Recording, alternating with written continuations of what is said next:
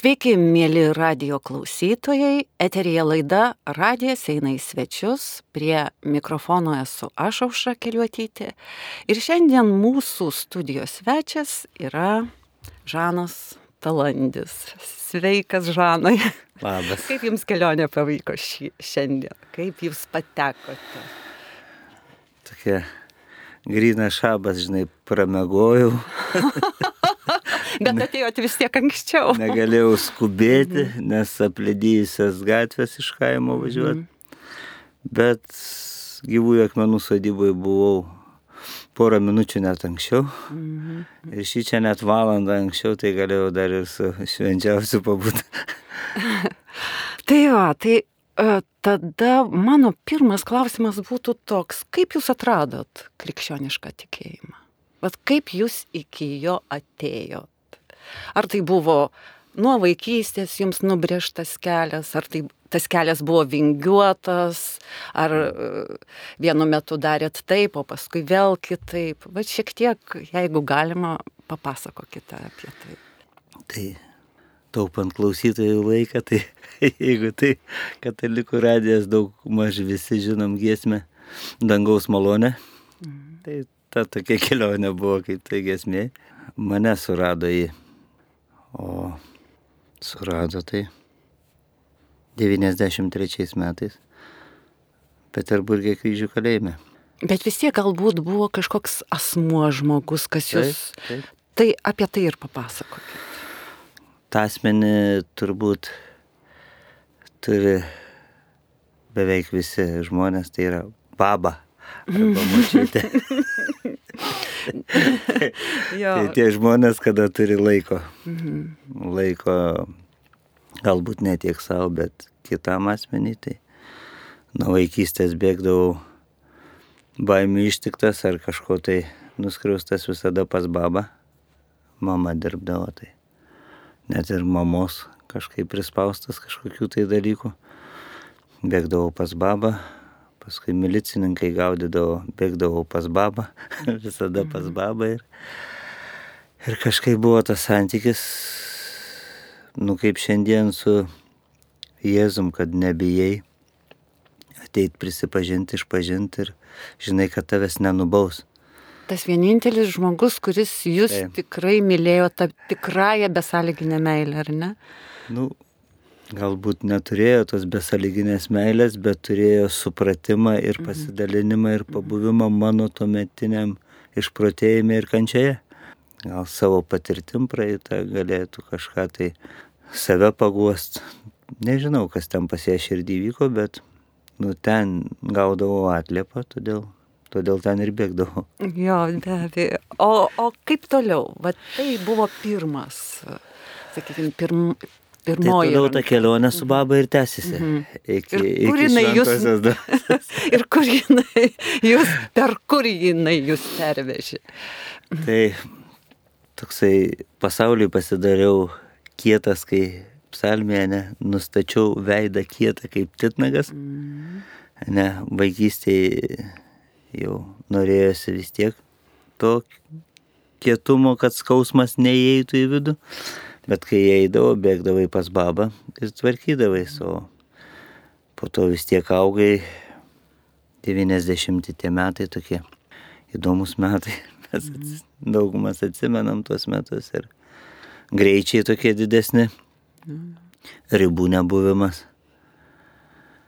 Tai va kelionės po įvairiausius labirintus tos gyvenimų nuo, nuo įsitvirtinimo kažkokioj kriminaliniai struktūrai, bandymas pamėgdžiot kažką tai, noras turėti pinigų, verslumo kažkokie tai dalykai, ten važinėjimai po, po Maskvą ir, ir kitur. Ir, ir galų gale pakliuvimai į spastus į tuos. Ir tada jau policija, tada pirmas bausmės atlikimo laikas, dar didesnė mokykla kaip gudraukti ir tampi tokiu, kaip raštas sako, sumaniu galvažudžiu. Jau darai, darai tą nuodėmę įtvirtindamas širdyje ir padengdamas dar teisingumu, nes žiūrėdamas į pasaulį, į pasaulio gal vadovus, valdovus, Lietuvos vadovus, tu matai, tu pažįsti, tu atskiri jų darbus nuo melo, kaip jie reprezentuoja save ir gali paklausti tada, kodėl turėčiau nesielgti taip, kodėl turėčiau Jo. gyventi kitaip. Ir tai kažkaip velnės labai stipriai suvedžioja, apgauna ir tu matai tą tiesą ir pliką tiesą, o kitos tiesos nėra. Taip, čia kaip tame Brechto eilėraštyje, nepaslaptis Martynai šventas, Taip. jog dosnumu garsiai tu ir savo pusę rūbo švento atidavė žiemos metu vargdieniui gulinčiam ant kruodo, bet tai padėjo neilgam. Taip. Pačia, vat, tame abu jų šaltis nugalavo. Žuvai tu per dosnumą savo, kas jo neturi gerą tam. Va čia mūsų visa dabartinė filosofija. O kam? Man Sibirė taip vienas irgi ilgai kalėjęs vyras, kai pamatė, ką aš ten bandau, nu, dabar ten turbūt skaitytus parodė, bet tada man buvo gailestingumo irgi tie darbai dalintis ten kažkom tai. Sako, Vokietij, kodėl tu sako, nu rusiškai skamba, не пытайся сделать человеку хорошо, просто не делай ему плохо. tai va taip, žinai, Jo, Nu, kažkas atrodo čia 93-4 metai, o dabar viskas tas pats, žinai. Kai kurios tiesos tos irgi nekintamas. Bet tai vis tiek kažkas, kaip jūs pats pasakėt, jau buvo tas velnės įsitvirtinęs. Ir kažkas vis tik jūs nuvedė nuo to. Gal ne velnas buvo įsitvirtinęs, gal, gal aš labai troškau būti Arba, jame. jo, arba jūs. Čia, čia gali būti ir tai, be abejo. Nu, Nes neturėjau tikrai kitos alternatyvos, net nenorėjau turėti kitos alternatyvos, nu, norėjusi būti pasaulyje, kvėpuoti su pasauliu. Ir. Ką mes su jumis ryte sakėm, labai sunku, kad nėra taip, kaip aš matau ir manau ir kaip suprojektavau. Jo, Ne, jo, tai gali jo, būti. jo. Šiandieną matau net bažnyčios bendruomenėje ar mano šeimoje ir tai kelia man agresiją, nerimą, jeigu nėra kaip aš noriu. Nors ryte pasimeldžiau tėvę mūsų. Jo. Ir tiesie tavo valia. tai čia tą velnę piešti kaip kažkokį baubą, tai jo pasaulis, jo valdymas, jam duota dabar gale, tai norėjusi būti prie tos galios ir viskas.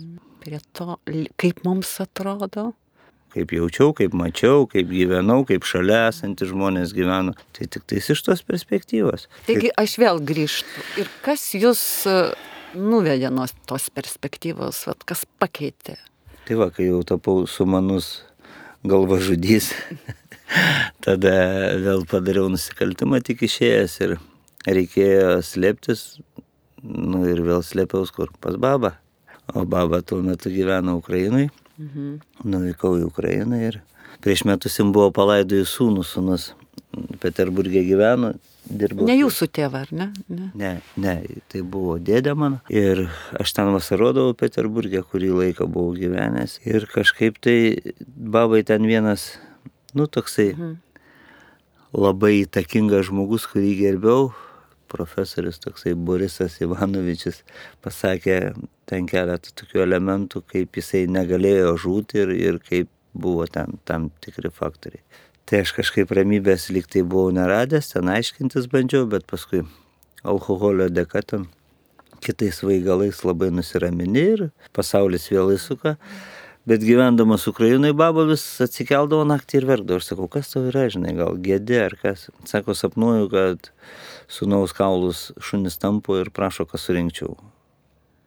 Sako, gal nuvažiuotum ten tą sklypą parduotum, ten už Peterburgo biškį ir, ir pažiūrėtum, nes gaisravietė buvo sausis, kai, kai jį rado ten palaik. Tai aš nuvažiavau vasarą, susitikau dar su kai kuriais žmonėm, draugais ir ten tokių visokių variacijų ten. Nu, pistoletas užtrauktas, kas nebūdinga jam buvo, jis tvarkingas karininkas buvo ir medikas ir, nu, negali, jeigu kažko tai nelaukia, ar, ar jeigu būtų žudęsis, tai būtų kulka likus galvoje. Ar... Tai va visokių tokių tenais sudėdamųjų ir išėjom ten iki šeimos tokio draugo, žodžiu, ten pridėta, ten pasamdyta, ten, nu, užsakymas. Tai kažkaip tai greitai suskambinau namo, ten radau iš tikrųjų palaikų, surinkau tos likusius kaulus, pelinus ir mamai paskambinau, sakau, kol, kol neatsiskaitysiu su Mišeliu, negryšiu, žodžiu. Ir, ir vėl buvo reikalinga bendruomenė, reikalingi buvo žmonės, kurie žino Peterburgą, kurie turi ginklų, kurie plėšikauja, taip toliau, taip toliau. Tai va vieno plėšimo metu ir, ir ačiū Dievui mus Omono angelai sargai pasitiko, davė per galvas ir aš atsidūriau kryžių kalėjime Peterburgė. Ir po kiek tai mėnesių, nepamenu tiksliai, pusmečio gal laikotarpė, atvažiuoja kas? Mano baba. atvažiuoja aiškinti santykių, kaip jos pati geriausia anūka.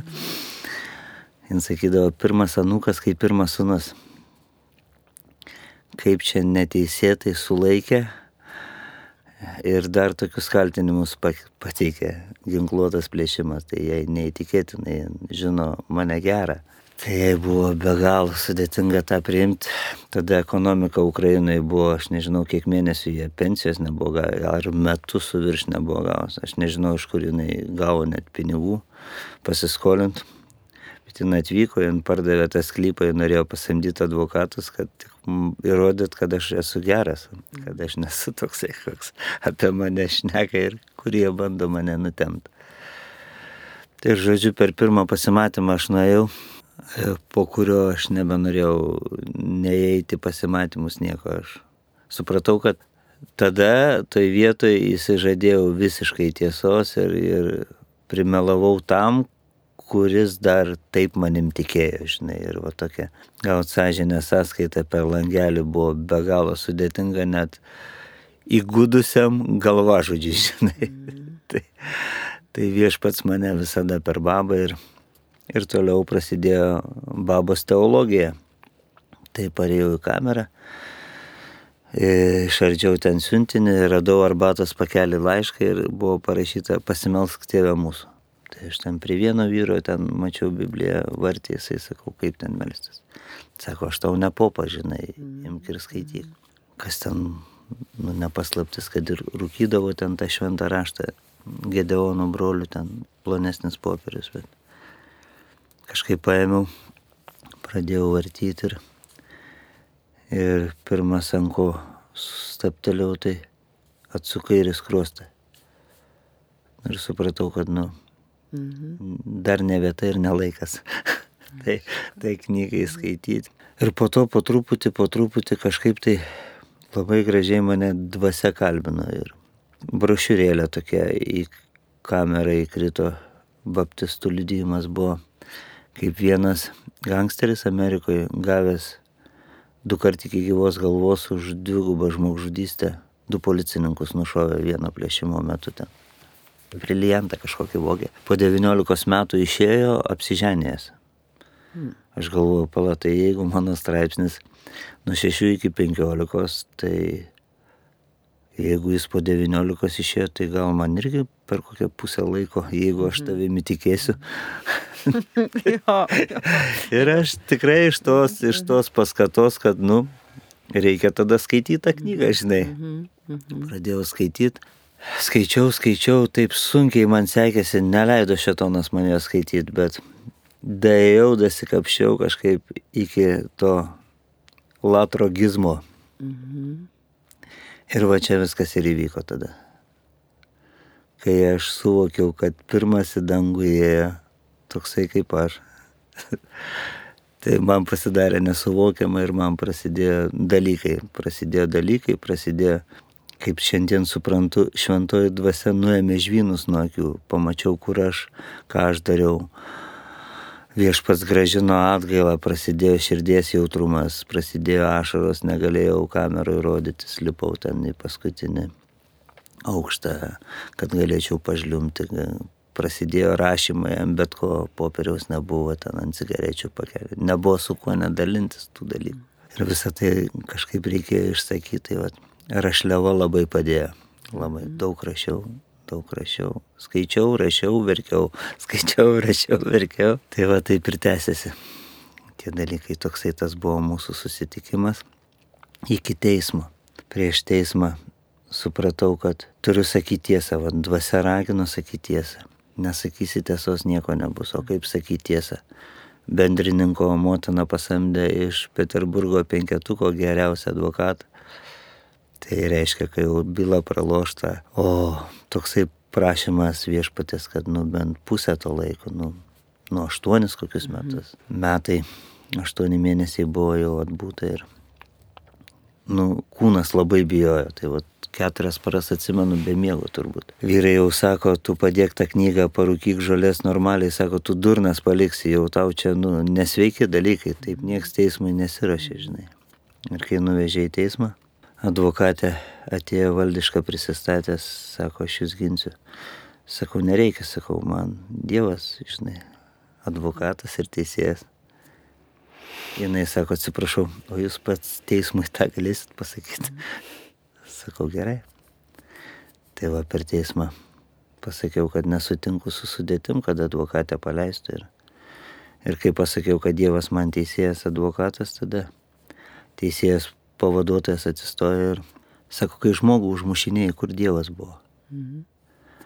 Ir tada va, pirmą kartą taip fiziškai pajutau, ką reiškia vėl velnio įtaka, žinai, kada jauti, kai tavo gomurys užspaustas, tave smaugia, kai tu negali oro įkvėpti, kai tu negali realiai pasakyti žodžio ir kas per kovą. Ir, ir tada atsimenu, viešpats kažkaip pagelbėjo, sakau, nepažinojau dar tada ją. Mhm. Tai va, tai tada va, tie realūs tokie išpažinimai ir atliepas, kaip stebuklas man bausmės, žmogus, kurio vos neužmušau, kurį mačiau per teismą trečią kartą, tai nusikaltimų metu, atpažinimo metu ir teisme pats prisistatė kaip buvęs komjaunimo sekretorius ir prašė mane paleisti, nes jeigu aš būdamas toksai baisus dar atliksiu bausmę jų kalėjimuose, tai sako, aš nežinau, kas ten iš jo visai bus. Mm. Ir tada ištiko mane Dievo gailestingumas, kaip dabar suprantu. Ir, ir tokia baime, toks sutriškinimas viso manęs to, kas buvo sukurta pragaro per tiek metų, tai viešpatės gailestingumas per tą vyrą, kuris man atleido, žinai. Nu, aš tokios baimės, tokios panekos, tokio pažeminimo aš nebuvau niekada išgyvenęs. Galvoju, kas tu toks, ne aš tau pinigų daviau, ne aš tavęs gazdinau, ne aš tau pažadus kažkokius ruošiau, ne advokatus siunčiau, kas tu toks, kad tu man atleistum, kas tu esi. Aš nepažinau jame viešpatės malonės, bet man buvo baisu nuo to žmogiško santykio, kas čia vyksta, aš, aš nekontroliavau, aš žinau, ką aš turiu dėl Dievo padaryti. Aš turėjau prašymą, ką Dievas dėl manęs turėtų padaryti. Bet kad įvyks tame tarpe Dievo gailestingumas ir manęs visiškas nuplovimas, dabar galiu apie tai kalbėti 30 metų praėjus, kai tu tos įvykius esi ištyręs, ištyrinėjęs. Bet tada buvo kažkas baisaus, tai buvo prašymas, kad kuo greičiau iš teismo salės išvestų ir tu negalėtum girdėti, matyti tos situacijos, kad tai kai baisus košmaras pasibaigtų, tas Dievo gailestingumas. Nes tu stovi tavo ašaros, vyra, tavo kūnas dreba, tu visiškai neįgalus, tu nežinai, kas vyksta. Jie dabar tyčiosis kaip per spektaklį ar juoksis iš tavęs.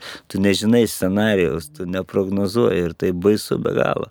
Ir tik mintis, kad tik iš čia dengti. Buvo paskelbta pertrauka, po pertraukos prokurorė tapo mano advokatė ir ten nugesino ten jo advokatus ir pasakė, tiek tas žinojo, ką daro, tiek tas, tik, tik bausmės laikas sutrumpėjo iki keturių metų ir man paprašė keturių metų ir juos paliko. Tai buvo beveik pusė jau atbūta. Tai. Ir toksai ir fizinis tas stebuklas įvyko. Tai gerai, o tada, kada išėjot, koks jūsų kelias? Nes tai irgi yra sudėtinga. Tai išėjau, aš galbūt išėjau iš kryžių kalėjimo, mane į Vybargą išsiuntė, Vybargė ten dar Dievas davė tokį žmogų seną Zeką, kuris sako, jeigu tu tą knygutę skaitai, tai tu prašykis į Sibirą, žinai. Sako, ten vis tiek miškas, sako, taiga, sako, uogos, grybai, sako, pinigų neuždirbsi, bet, nu, turėsi gerą laiką su ta knyga, sako, nes narkotikų nevartoji, alkoholio nevartoji, sako, o čia, čia bėda, sako, šia čia, periferijoje. Tai. Sakau, tai kaip į tą Sibirą, sako, pasakyk, ką moki pjaut mišką, žinai. Nu, ir aš primelavau, kad aš pjūklininkas, ten savo, savo dasie. Ir jo atvažiavo pirkliai mane nupirko ir išvežė į Arhangeliskos rytį. Ir, ir ten atsidūrėm 36 metų lagerį. Tai taip, ūkiško muilo gabaliukas ant keturių savaitėjų. Nu ir tas toksai priverstinis neturtas labai gerai parodė, kiek mano kūnas net būnant mieste kalėjime jis yra išlepintas, kaip jisai cypia dėl menkiausio dalyko. Ir, nu, tie du metai tenais, tai davė tokį, nu, labai labai gražų dalyką. Turėjau gerą laiką skaitimai, maldai, stiprėjimui ir, ir buvau savęs įsivaizdavęs jau vos ne Serafimas Arovskis, žinai. Gyvenau net taigoj, ten vandens kelimo stoteliai vienas įsivaizduoju, ten, nu, pasaka jau. Tokios užeidavo gražios svajonės mintis ir Ir sakau, viešpatie, man jau toj laisvė, išbandyk tu mane. Ir ateina komendantas, labai greitai, sako, žinai, Vokietija, aš tavo kitką suradau. Sakau, kaip suprast. Nuo Stalino laikų, sakau, sako, ne, ne, mergina, sako, 24 metų. Sako, Vilnius yra miestas, sakau, yra. Sako, jin buvo ištikėjus už karininko išsiskyrę. O pas mane vandens kelimo statelė buvo tas telefonas be numerių. Mhm. Sako, instaty dirba. Mhm. Jis tik išėjo, aš iš karto ėmiau už to ragelio skambint pasiteisinimą širdžiai, mhm. kad labai norėjau lietuviško balso išgirsti. Su tuo lietuvišku balsu atėjo ir, ir pasimatymas, ko neįmanoma. Nu, ten sumokėjau karininkam, ten šiaurinę valinę tokią siūdavau, tai prisižadėjau, daviau, pasėmiau alkoholio, greitai pasėmiau hašišo, su draugu atsidūrėm toj stotį ir vėl atgal į pragarą savo norų, išskėstom rankom, į glėbį. Nesvarbu, kad tas karininkas ar kitas būtų nušovęs, dar būtų premijos gavęs, įsivaizduoju, ar atostogų. Visiškai, visiškai. Ir aš supratau, po keturių dienų tokio gyvenimo, aš žiūriu, šventas raštas numestas. Mano rašliavos tos, kur buvo prirašytos, aš nežinau, kiek ten aukštų, labai daug, keturis metus rašiau. Mm. Įsivaizduodamas, kaip viskas vyksta, patirdamas Dievo malonę, matydamas ženklus užkūriau tokią plytą, ta buvo, kur valgyt gali įsivirt, viską sukišau. Pamenu, pasėmiau popieriaus lapą ir man tik tais ta rusiškos dainos tekstas tas, kakim tu byl, takim tu jas talsas. Sėdžiu, žliumbiu, rašau mamai laišką.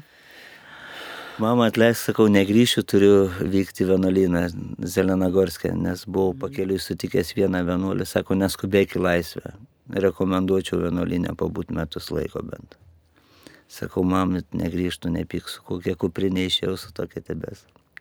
Ir tada gaunu iš motinos laišką, negryši pasikarsiu. tai va, kelionė į laisvę mano tokia. Taip, vienu žodžiu, nebuvo tas kelias toks tiesus. Vienu žodžiu, pirmyn ir atgal ir viso kito. Ir dabar, va dabartinėje situacijoje jūs padedat patiems žmonėms, kurie taip pat įklimpia į panašias metodas, ar ne? Didelė klaida, jeigu padedu. Tikrai nei vienam nei esu padėjęs, nei ruošiuos padėti, mhm. nei padėsiu kada nors mhm. gyvenime. Bet kaip tada jūs apibūdintumėt? Gal daugų daugiausia galiu pasidalinti, kuo turiu. Tai savo pastogę, savo maistu ir dar su tam tikrom sąlygom. Jeigu kartu eisim, darysim, judėsim mhm. pagal savo galimybės ir kursim toliau, ką mes esame pašaukti. O padėti ne, padėti tik tais jisai vienas, vienintelis. Pats savo tik tai gali, ar ne? Ne, gali tik tais Jėzus padėti, daugiau niekas. Niekas. Tai man Bet... kažkada, žinok, padėjo labai Žano Vanie žodžiai. Mm. Čia ne iš savo galvelės, aš jau toks protingas. Jisai kažkada dvasiniam lyderiam ir dvasininkam vedė vieną konferenciją, man labai įstrigo tas jo pastebėjimas. Sako, kada mes sakome žmogui, kad galime tau padėti, sako, labai toli jį nuvedami klaidą, užstodami Kristui. Ir tai va, tai jis man tokį saugiklę, ačiū Dievui už jį, žinai, labai gerą parodė. Čia vėlgi, vat, ką ir pradžioje kalbėjom, ta painiava prasideda, nes tikrai žmonės labai mėgsta prisimti tą misiją, kad aš tau padedu, aš tau dovanoju, taip toliau. Aš. aš nu, mes sukurti darau, pagal jo paveikslą ir panašumą, tai turim tas savybės. Gal dieviškasis ir kartais, žinai, kaip vaikai būna jau tėvų, ja. tėvų padėti. Norim iki jo, iki jo kažkokiu būdu, nes bent jau kažkiek prisilies susitapatinti, ar ne? Tai gerai, bet dabar dar yra viena problema, pavyzdžiui, vat, kada yra žmonės, kurie turi tas priklausomybės, vis tik yra šeima, jis turi mm. tėvą, mamą, arba turi vaikus, arba žmoną. Kaip tiems aplinkiniams gyventi? Bet kaip jums atrodo, bet jūs, kuris perėjęs va šitos dalykus, irgi žino tuos dalykus, ką jūs galėtumėt pasakyti? Nu, rakštė subiniai, žinai. Tai aišku, nu. aš absoliučiai su jumis sutinku, bet ką daryti? ką daryti? Ja. Atsimeni tas, kur lakstė po kapus, vartė ant kapius, riekavo, gazdindavo visus, ne? Mhm. Paskui sako, Jėzu, aš su tavim galiu. Sako, ne, ne. Grįžk namo, ne, ir pasirodyk. Kiek kartų sakė, eikite pas kunigus, paukokite auką ir pasirodykite. Mhm ne? Tas, kuris yra visų atmestas, ne? dažniausiai giminė ir šeimoje, jeigu susitinka su Jėzum, tampa tos giminės ar šeimos kertiniu akmeniu. Tik kas ar be nori statyti ant to kertinio akmens, va čia klausimas, kur jį tokį dėti, ar bažnyčiai, ar bendruomeniai, ar visuomeniai, kur jį tokį dėti, iš kur žinot, ar tikrai įvyko kienosis, ar stebuklas įvykęs. Gal, gal pakankinkim, patirinėkim, kaip raštas sako. Nes aš manau, kad taip, jūs daugeliu atveju jis tarsi ištraukia tą visą dirbtinumą. Be abejo, jis prakalbina tai, šeimą. Va, taip, bet yra kitas dalykas vaikai. Pavyzdžiui, aš kiek vat, yra tekę ir matyti, ir girdėti, tai šiuo atveju tai yra baisu. Man, pavyzdžiui, kada aš matau juos, kada jie taip neteisingai yra, man bent jau atrodo, kad neteisingai mindomi. Gerai. Davai tada pažiūrim kitaip. Mhm. Gerai, Gerai žiūrim. Buvo pas jūs toksai Dievo vyras, mhm. Vincelis. Mhm. Pirmą kartą, kai tik ta radija buvo įsikūrus pirmais metais, aš dar klaipėdą gyvenau su žmona ir jisai vesdavo laidas, kalbindavo jį. Ir viena ponė jam užduoda klausimą, sako, gerai jums tėvė kalbėti, kada yra šeima katalikiška, gražiai užaugus, tradicijai, bet ką daryti mum motinom, kurios esam paliktos su vaikais, apiplėštos, apvoktos, gyvenimo vyrų, kurios pačios nesusitvarkom su savim, tai kaip mum vaikus auklėti. Tai toksai. Net prisėdau, pamenu, išklausyti, ką tu tėvė pasakysi, žinai. Mhm. Ir Vincelio buvo toksai pasakymas. Sako, miela mano, Dievas nuostabus, kai mus kuria, bet dar nuostabesnis, kaip išgano. Šiandieną tau galėčiau parodyti, žinai, daugumą Afrikos ten scenų, kada bėga vaikas mm. be kojos ir dar ratą suka ir šypsosi ir juokiasi.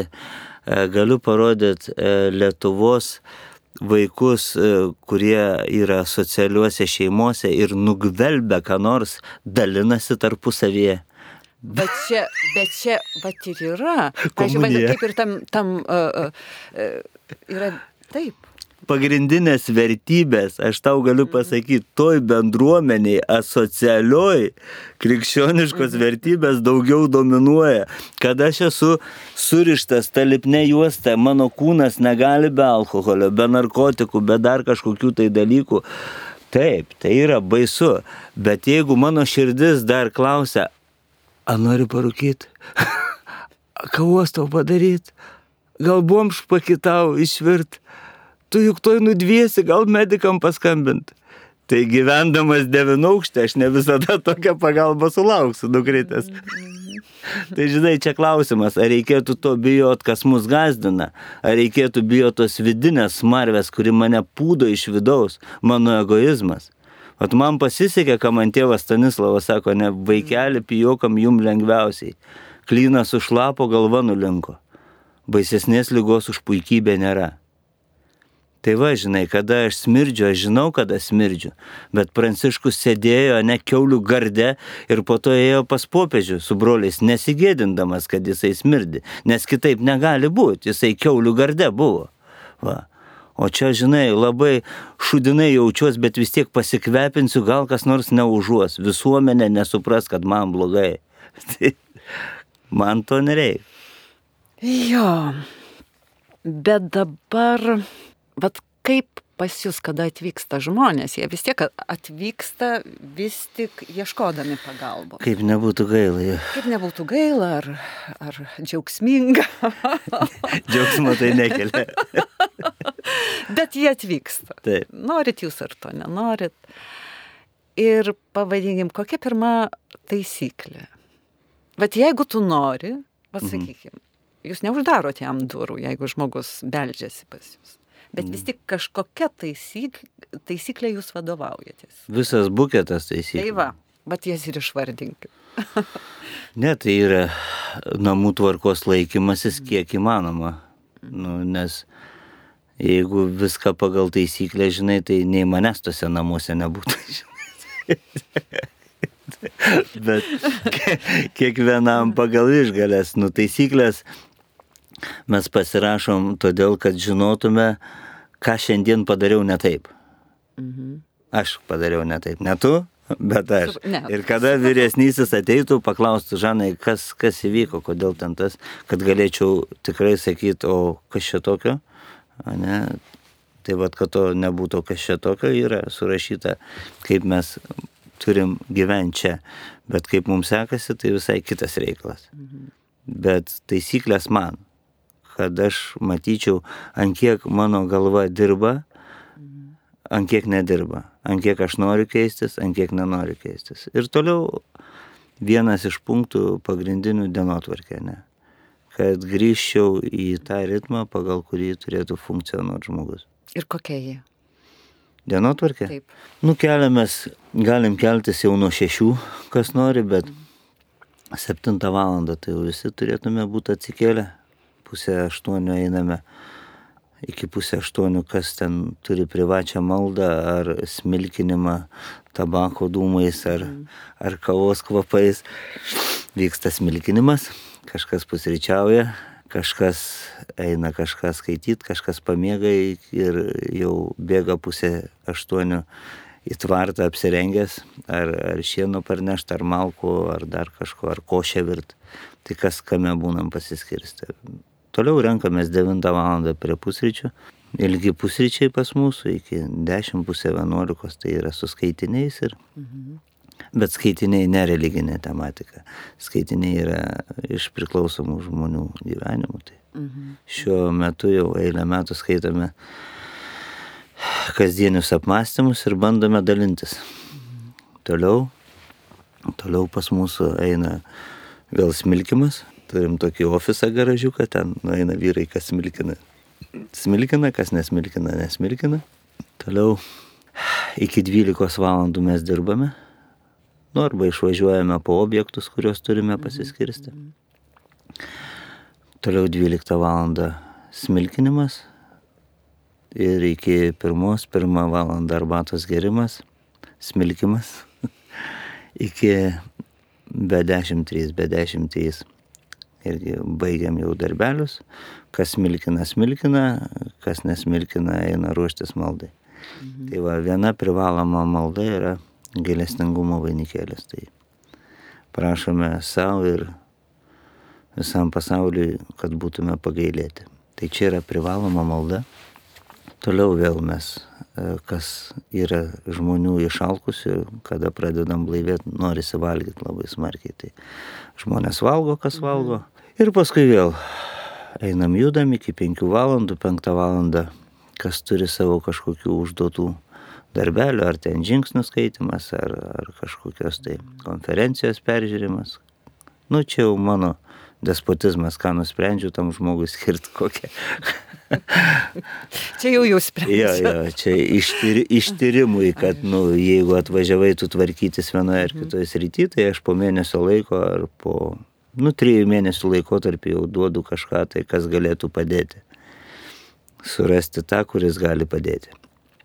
Tai va, tai tokie dalykai. Ir paskui vakare mes 7 val. vėl einam gyvulius apsitvarkom, kas ten reikalinga, pasirašėm kitai dienai. Ir ilga vakarienė. Tai va taip tęsiasi mūsų diena. Tų smilkimų yra padaryta specialiai tiek, mhm. kad mūsų diena nesigautų švituoklės. Kad pastoviai atsimušam, kas dvi valandas, kas valandą mhm. mes atsimušam, ne? Mhm. mhm. Ir gaunasi ta nuostabi giesmė, kur Jurijus Nikulinas atsimeni dainavo. Mhm. Pakai iš jo nepozna, nam sdėlai testanovku. tai va čia tuo principu, žinai, yra viskas pastatyta, kad, kad nu, neįsišvituotume, nes tada jo, prasideda jo, jo. ūkiniai reikalai, darbai, paskui socialiniai reikalai, bažnytiniai reikalai ir žiūri tik, hop, persiverčiau ir vėl tam pačiam taške. O kaip čia atsitiko? O va taip atsitiko.